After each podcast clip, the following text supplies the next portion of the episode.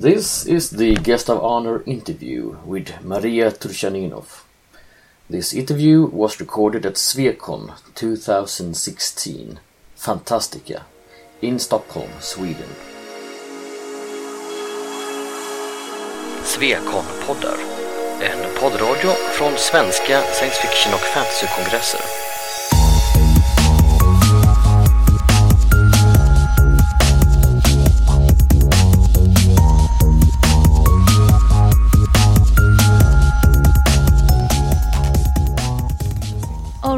I think everyone will be settled down in a minute or so. So I'm gonna start off by uh, welcoming you all to our, I think, first guest of honor interview of uh, this Swecon.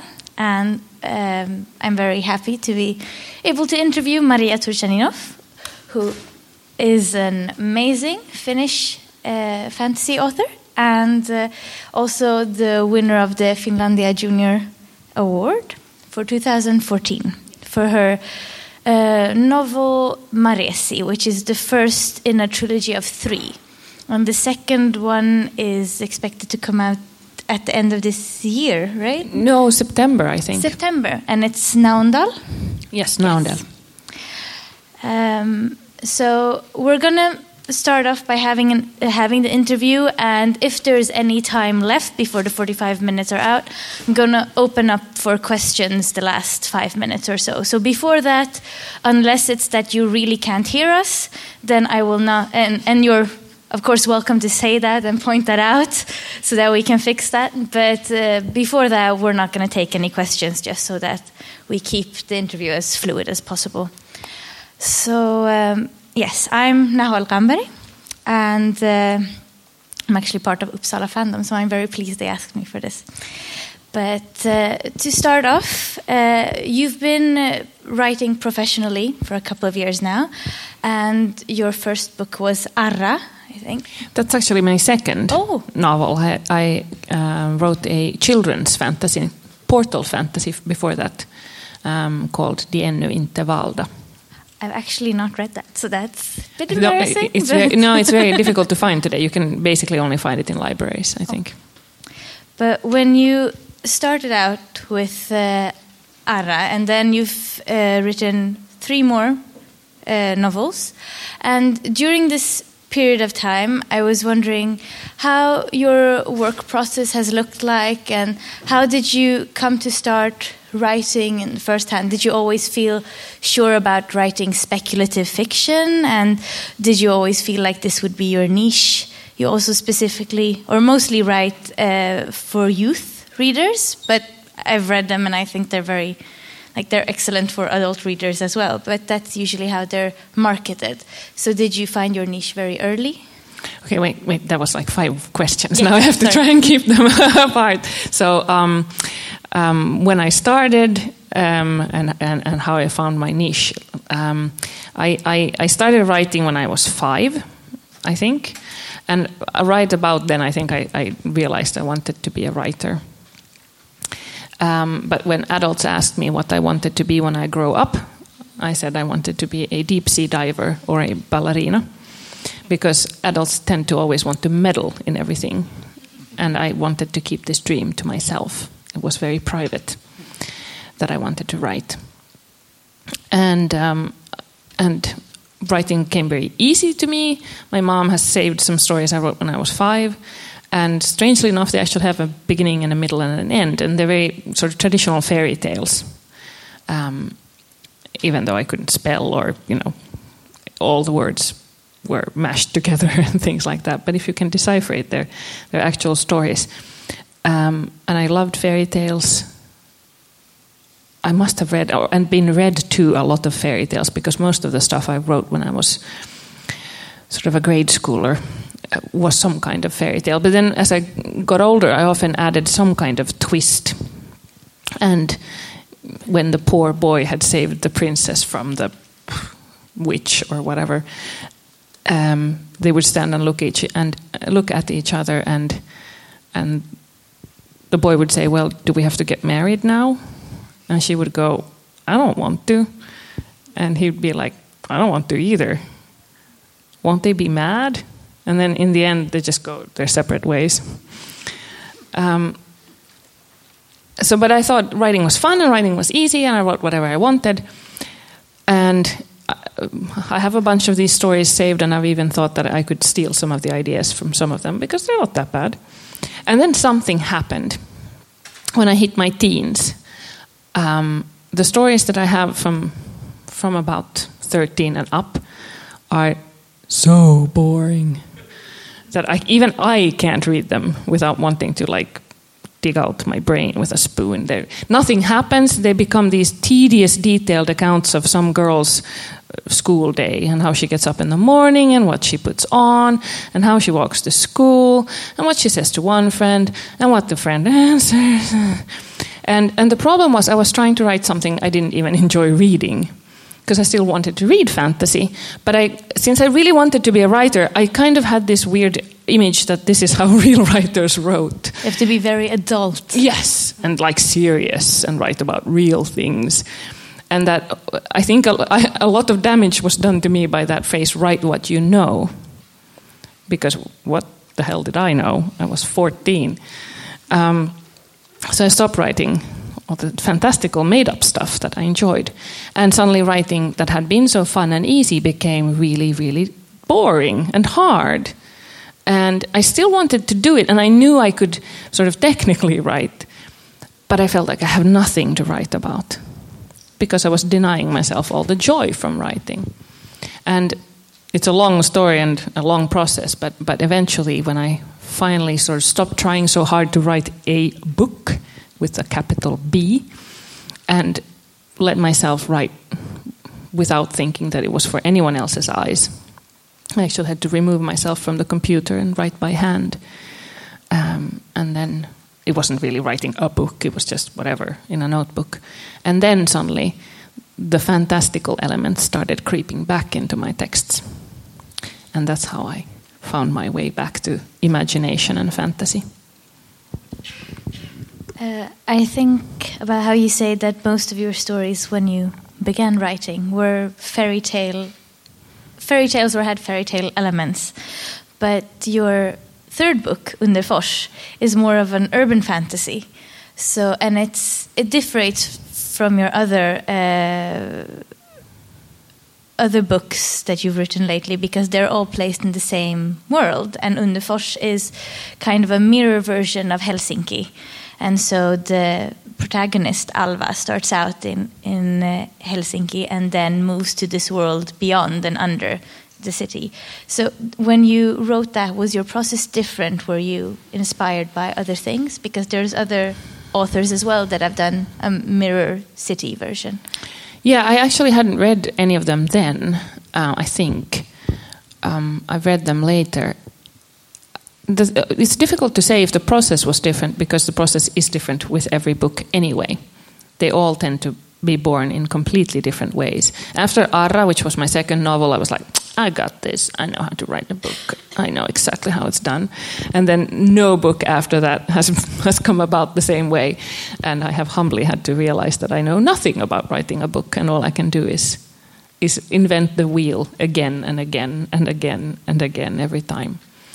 Um, so, so it's difficult to say if, if, the process was different with Underfors. Underfors, you asked um, uh, about, or you mentioned that my books are, are targeted at young readers. Um, Underfors is the only one of my novels that I myself sort of see as YA. The other ones I just see as fantasy.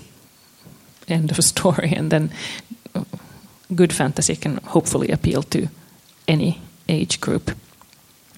Um, but Underfors was well. The, the, the, one thing that was different about Underfors, since it's actually set in Helsinki and other parts of Finland today, I had to do like actual research and check when the bus leaves from Helsinki to Närpes and things like that, and and look at aerial shots of Helsinki because there's some flying over the city and things like that. So I had to make sure thing, like details were correct when I write my secondary world fantasy novels, I do a ton of research too, but no one can come and point out like you got that detail wrong because I'll be like no because I decided that it's this way. Um, but here I had to be a bit more meticulous.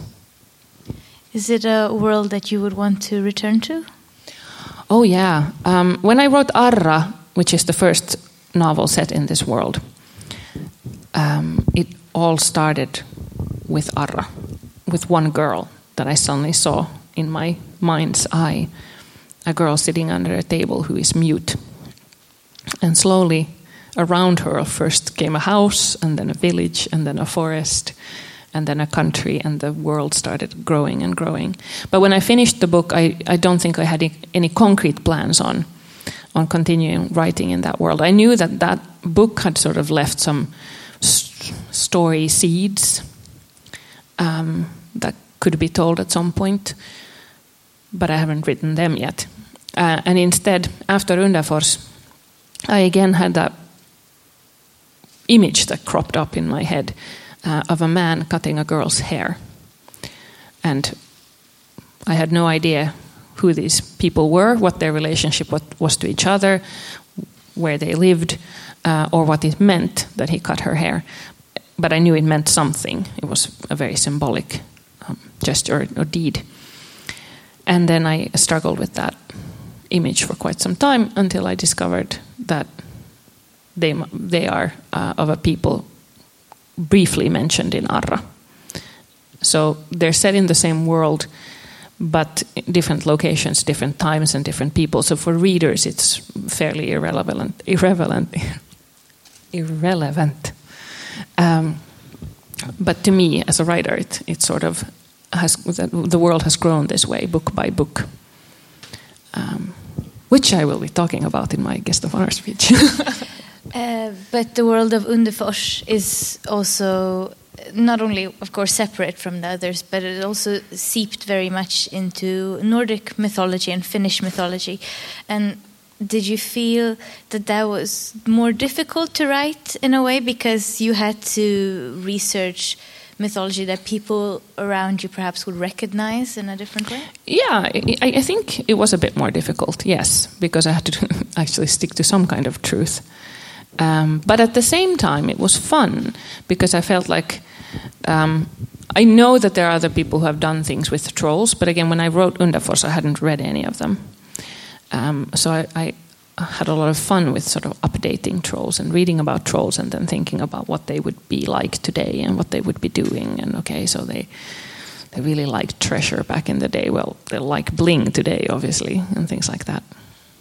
I just found it very interesting in the fact that uh, in uh, in Underfors the trolls are quite attractive to humans, or at least in a way, um, kind of hypnotize people into a certain type of attraction. And I had never read about that in any stories about trolls, except for Johanna Sinisalo's story, which was interesting in that you're both Finnish writers and I was wondering if that was something that's very specific in Finnish mythology. No, actually, it's it's it's, it's Scandinavian or Nordic Nordic folklore.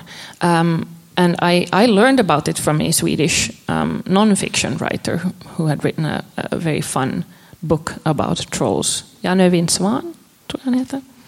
Um, and he had written the book sort of tongue in cheek, as if trolls were real. And he points out that um, that in folklore, trolls were very much like humans, and it was in the 19th century in art that they became these bumbling, ugly, slow creatures. But that in much of the sort of folk tales, um, you, won't, you, you didn't know you were talking to a troll until she turned around and you saw the little tail under her skirt, because she looked just like a human, but often more beautiful. They were often more handsome uh, and stronger and taller than humans, but otherwise very much like humans. Which is why there were so many stories about half trolls as well. Makes sense, actually. uh, I was wondering a bit. You're going to have another panel during Fantastic about world building, and but still, it's a very big part of your writing that so many of the stories are set within the same world. And you as you said slowly build this place up and uh, different cultures come to you in different times. But i was thinking how did this process of building the world of Maresi and Anaché and Arra, how has this come to you? Because you said it starts with images but many of them are based on real cultures mixed in with uh, your writing and your ideas, and how has that process been? Well, basically, like you described. Um, um, yeah, I wonder where where to start. I'm also thinking like, what can I now save from my speech? yeah, spoilers from your next yes. your next panel. Yeah. so I'll just go and burn that speech and write a new one. Um, no, um, it starts with something like that. It starts with an image, or it starts with a what if. Underfors very much started with a what if. What if trolls were real? Uh, and other creatures from, from folklore, and what if they were still here today, and where would they be, and what would they be doing? Um, and and Maresi also very much no, not with a what if, but with some kind of question or something, and then I've built a culture around that. Mm, I would say maybe more and more consciously. In Arra, I was I was still very much sort of looking for my voice and my way of writing, um, and was doing it very intuitively. And then maybe it's become more conscious, uh, book by book. But also different stories demand, like with Anaché, which is set in a nomadic culture, where the environment so very, very much forms how the people live. There I put much more effort, or did much more of that world building before I even set out but sometimes the story comes first and then I sort of start thinking about the world. It's very different how they come about. I think the the worlds and the um, environments of these stories are very different from each other. The cities or the nomadic landscapes, or in Maresi, uh, the story is told on an island with a convent for women, and no men are allowed on the island. And uh, what I thought was still interesting in that, that they are from different times. So in Maresi, for example, they mention in just a line that there was this story about a girl from another country who wove tales, and that's Arra. And they say like that's so long ago, like hundreds and hundreds of years ago. So there's still this kind of time span, but in the same way that they're very different from in characters and in environment, there's still very many reoccurring themes in your stories. The protagonists are often young girls or women, either on the threshold to becoming teens or being teens, becoming women. And uh, they're also trying to find not only their their kind of place in the world and sometimes they're also very lonely. There's this kind of loneliness to their characters because they find that many people around them do not understand why they want to break with their cultures or with their traditions. But there's also a very reoccurring theme of violence, men's violence towards women. And how, do you use these reoccurring themes without like what are the pitfalls? What are the cliches that you try to avoid? Because i guess if it is something and there are themes that you want to tell and retell in different ways there must be things that are also difficult to avoid but also things that you want to avoid. I think maybe my saving grace is that i'm not as conscious as it seems. I do it very sort of I don't want to say accidentally, but um, yeah, I, I, mean, I can see afterwards that these are themes, and because these are things that are important to me, and are you know, I, of course, I write about what's in my heart and what I care about and think is important, but that doesn't mean that I set out to write a story about men's violence to, towards women or something like that. I write out to write the story about. I set out to write the story about this one girl who I saw in my head, and then her story forms slowly. So I'm I'm fairly I'm very intuitive as a writer. I don't do a lot of planning. I haven't planned the world, and I don't plan the stories very much in advance either, and, and sort of try and let them take me where they want to go. And maybe that can be a good thing in avoiding cliches. I maybe think more about avoiding this sort of typical cliches of fantasy um, and, and try and, and work around those. More so when I was beginning, I think now I found my my voice and how I write and what kind of stories and what kind of world. So I don't think about it as much uh, anymore. But in the beginning, I was very sort of worried about all the cliches and pitfalls of fantasy and and falling into them, which sometimes has led me almost to exclude everything I love from fantasy, because I don't know, you know, I, I, I would want to do it in such a new way. Like I really want to write about dragons, but I don't know how to do them in a in a way that no one has done before. Uh, I, one of the things that I uh, very much liked was the fact that there are very nuanced portraits of relationships in your books.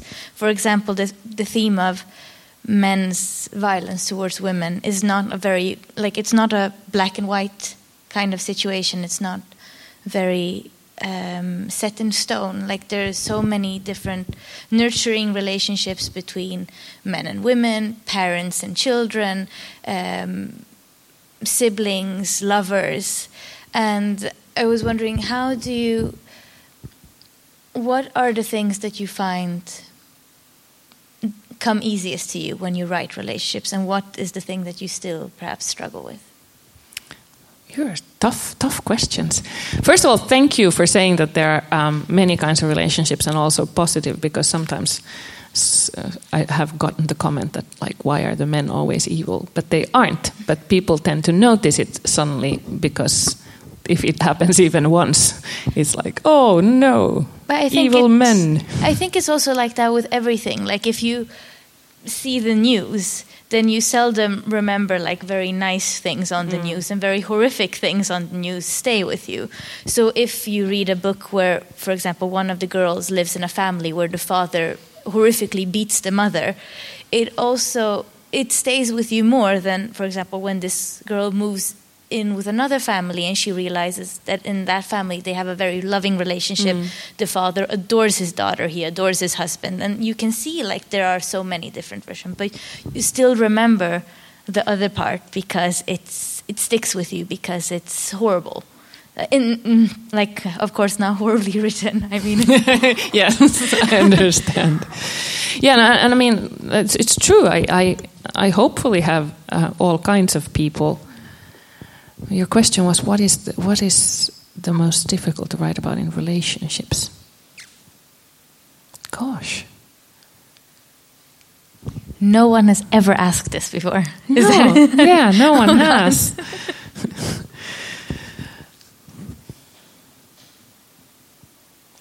I guess I haven't thought about it in those terms.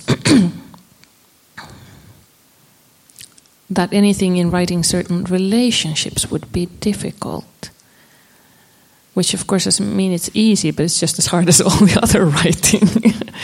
um, all I can say really is that I really try and go under the skin of my characters, especially the main character, and be her or him, um, and and experience everything through that person's eyes. And I mean, I guess we've all had all kinds of relationships and seen all kinds of relationships. And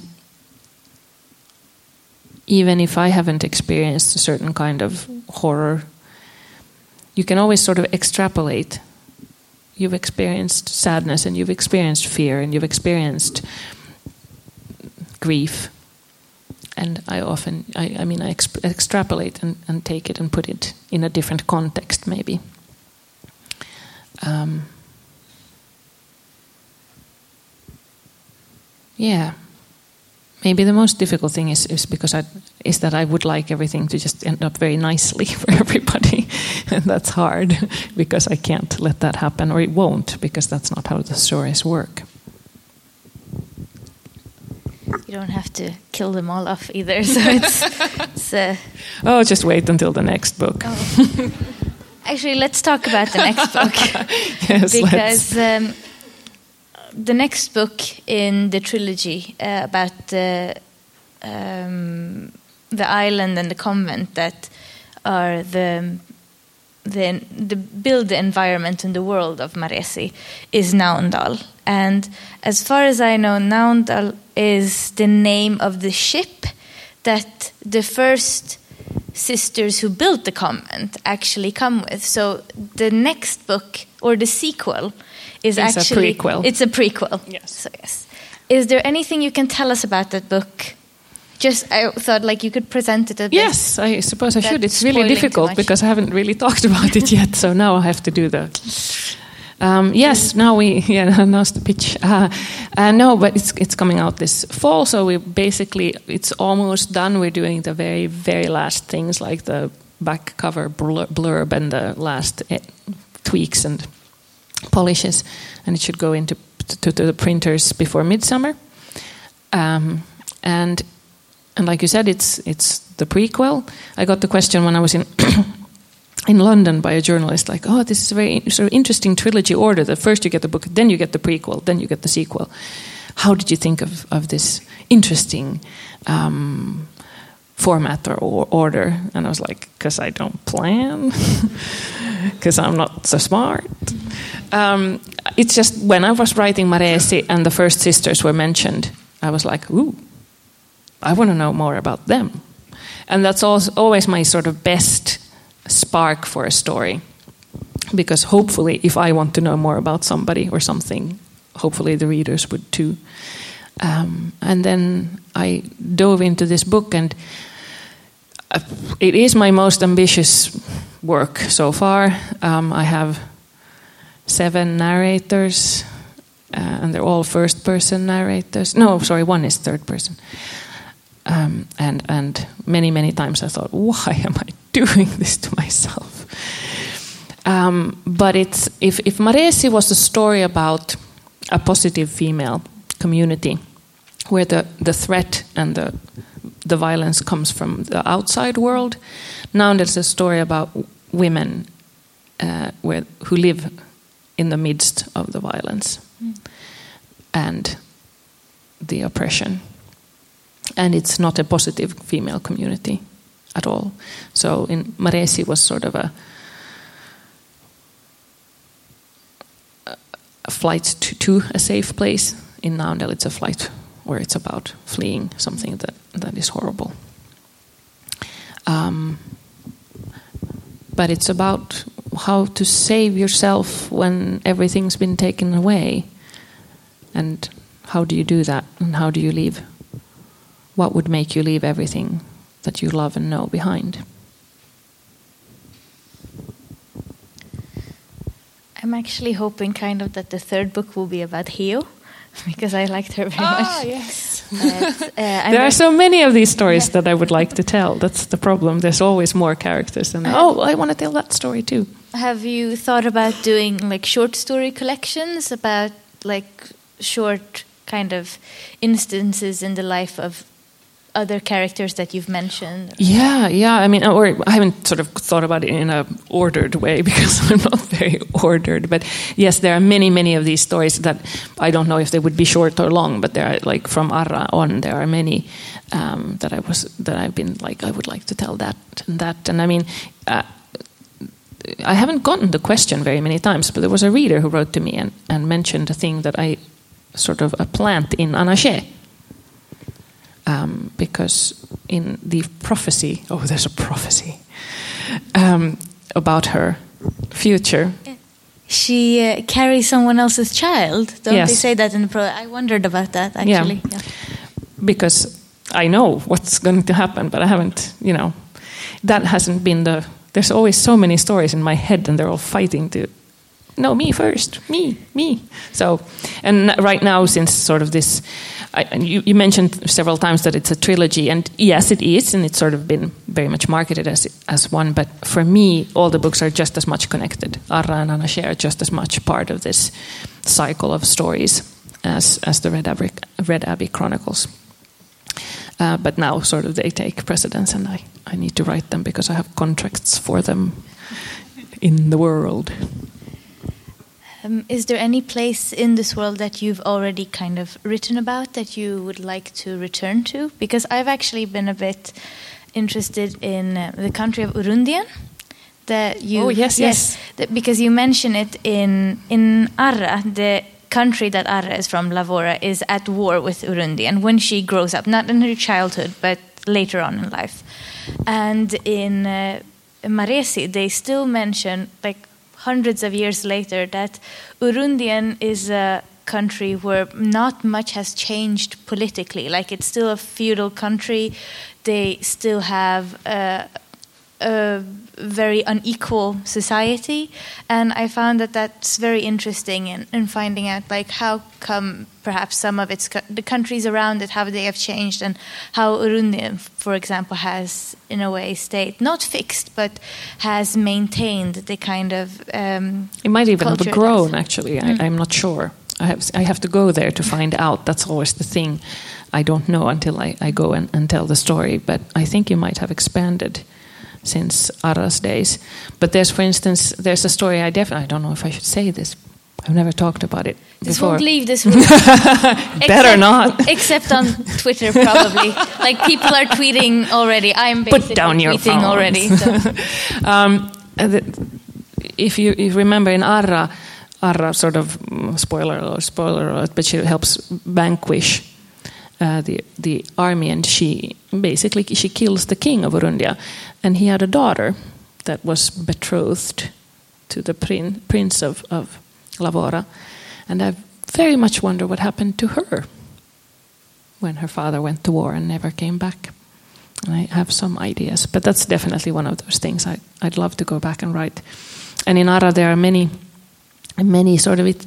Arra is, is the most fairy tale like of them all, because also now I sort of see it because it's set in the most sort of distant time, I think. Um, all the the side characters I mentioned at the in the end, one goes out to sea and one becomes a storyteller and things like that. And I definitely would like to to know more about them, and I know more about them by telling their stories. But so many stories, so little time. I need to clone myself. But yes, you said, do I want to go back? I mean, that's what I feel like is the most wonderful thing about this world that I'm building book by book. It's, it's, it's my playground. I can do. I can, I can stay there for the rest of my writing life if I want. Um, I'm sure I want to write at some point other things too, but there's so much there. There's so many places, so many people, so many times. There's like an infinite number of possibilities, and it's wonderful. I was, I'm just going to check in on how much time we have left. We're good on time? Then uh, uh, I was actually wondering is there anything that you regret? Kind of like, is there anything that you've written that you think later on, like, I should have done this differently? Or, for example, like, oh yes, like bet. I wished I didn't write this because now I can't go back and Yeah, change it, yeah, and like the so map screwed. is. Yeah, yeah, many times.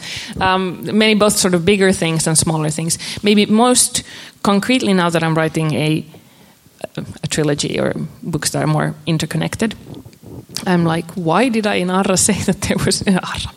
In Maresi say that there's so many of the first sisters. Gosh, darn it. Could have cut a few, but now I can't. And I set up some other parameters too. That I was like, I would have wanted to kill that one person, but now I can't do that. Darn and things like that. And and and um, map wise as well. um, um, I keep mixing up my books now. Maresi is my the first of my books that has any maps. I haven't had any. And and one of the reasons is because I don't want to end up with a mountain where I really can't have a mountain. Since I don't do the map drawing and planning in detail before I set out.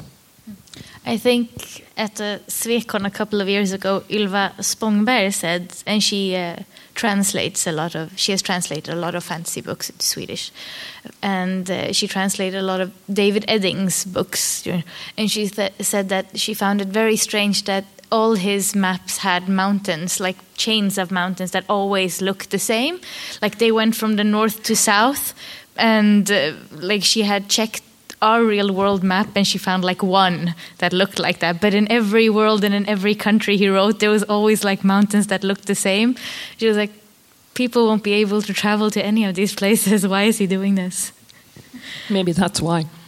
It's a neat way to compartmentalize your. if he had written in dragons this would not be a problem you can always use dragons. yeah, no, but yes, of course. As, I mean, it would be great if I was a very planning person and I had it all schemed out in my head and I could but yeah, now I'm like, why did I set something so far in the past or determine certain things or say that that one country has gold because now that messed up the potential for some story idea or something like that. Yes, it happens all the time. Do you um, do you ever think about writing? Actually, we're going to jump now from from these questions, but to something else. But do you ever think of writing in other fields of speculative fiction, like moving on to science fiction or horror? No. It's very. Do I need to expand on that? no, again, because uh, the whole, I mean, write what you, this is my home. This is, I, I, you know, I'm definitely a, a, a unicorn and dragons kind of person and reader, much more than, than, than the other genres. But you never say never. Disclaimer. So. So uh, I think actually I've not run out of questions, but but I thought I'd open the floor to the audience, and uh, we actually have a microphone that we will try to pass on to the people who have questions, so that uh, the sound will be like so that everyone can hear. So we'll start out here. So and. Perhaps someone will have to send it over. Yes.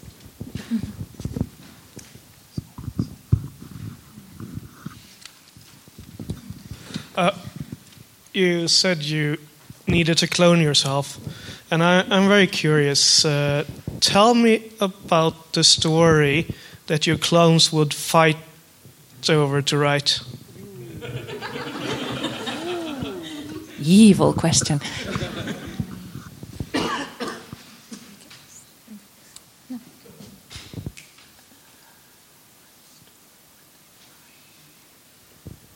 That's a good one. I guess I haven't sort of allowed myself to think about that because I'm sort of not stuck, but I'm so focused on doing this trilogy now um, that I haven't thought about what would come next. Except I've thought I need a break, break and a vacation, um, because my schedule is pretty tight at the moment. Um, I think, I think it might be that story about Urundia, Urundian, maybe it's quite possible. I need to find out what happened there. I have some kind of feeling that there's a key to the sort of workings of that world very much there. I'll, I'll, I'll, I'll say that it's that story. And then another clone come on, comes and says, No, I want to write the story about what happens to Arra's sister. Actually, we're going to move on to the next question so that everyone has a Uh, chance. okay, uh, one reflection and one question. Um, it seems to me that you're suffering from the Larry Niven syndrome, uh, where he um, wrote himself into a corner. Actually, he invented too much in his universe, and they, the, the inventions came into conflict with each other. Uh, do you feel you have that? No, no, I don't feel cornered. Okay, no. okay. not yet. No, not yet. Again, Uh, you never uh, say never. It might happen, but no. And sometimes, I mean, sometimes restrictions or the fact that you know, oh, I wish I hadn't set that up. Sometimes it's good because it forces you to think of a uh, new way. And uh, my question also is that: Do you feel uh, look upon yourself as a discoverer? Uh, you're discovering this world. Uh, it's- Completely. It sounds like Tolkien to me. Uh, yeah, no, I think he he was much. He seemed to, to be much more of a planner. He knew the whole history when he set out, didn't he? Okay, okay. Well, then, in that sense, I I would be. But um, yeah, no, I, I tried to avoid using that word because I'm using it in that damn speech of mine. Um, but yeah, I feel like a, a sort of a 18th century, no, 19th century um, explorer, and the map is white, and I take my little compass and I set out. Um, are you ever scared of uh, forgetting the details and contradicting yourself in your stories? And how do you deal with that? Do you mean within one story or between the, Uh, the between the stories. yeah, yeah. I very much like an assistant. Are you volunteering? Someone who could make a nice little archive for me. Yeah, because also my notes and yeah, and horrible, horrible mess. Yeah, no, it's probably going to happen. It probably has happened. Um, but then again, it doesn't worry me over much because that's not the most important thing to me that everything is exactly correct and exactly right as long as the story rings true and the story has a heart i don't care if the mountain moved place or the horse changed gender really if you if the, if you, someone you know gets stuck on those kinds of things i think they should be reading different kinds of books um, you said that you have so many stories that you want to write about and some of them are really small. Have you ever considered writing a book with lots of lots of small stories? Yeah, they just. I often think they're going to be smaller, and then they just expand and expand, and then end up being really, really long. Um, I, I, I'm not. I haven't written a lot of short stories at all. It's. I don't think it's my most natural format. Even though the, the ones I have written, I enjoyed very much. It, but it was a completely different kind of challenge for me because I still sort of like to go deep. But yes, I would I would like to do that as well. So we're going to do our last question. Yeah, I'm just halfway through Arra, the first book, but I'm I love it. I mean, Arra, the character, she's like the most. Oh my God, she's wonderful, and I, love you. Uh, I especially like how you portray the uh, sort of neglected experience, the female experience of being quiet and uh, giving voice to that kind of female experience that we we get to know what a, a quiet person really is thinking and uh, yeah i love it. Thank you. I don't know uh, my question uh, was uh, was were you like conscious uh, what, i mean did you think about that giving a vo voice to uh, a neglected experience or did you just want to get to know Arra and tell her story? First, I just wanted to get to know her and, and tell her story. It was just that image that I saw of the, the girl under the table and why is she why is she not speaking? Uh, and then started discovering that slowly. But then that's often how it starts and then as i write it becomes more and more conscious as i write and it was a very conscious choice for instance that the thing she she uh, desires the most which is to be seen and to be spoken to also becomes the thing that she fears the most because i'm evil that way we're going to end the panel on that note, actually, or this interview on that great. note. I think it would be great, actually. But I want to thank you, Maria. Thank you. And thank our audience for joining us. Uh, and I think that's it then. Yeah. Thank you.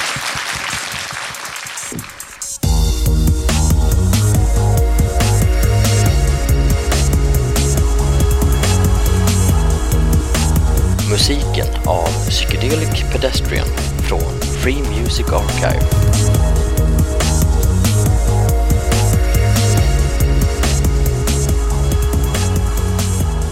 Besök gärna vår hemsida på svekonpoddar.se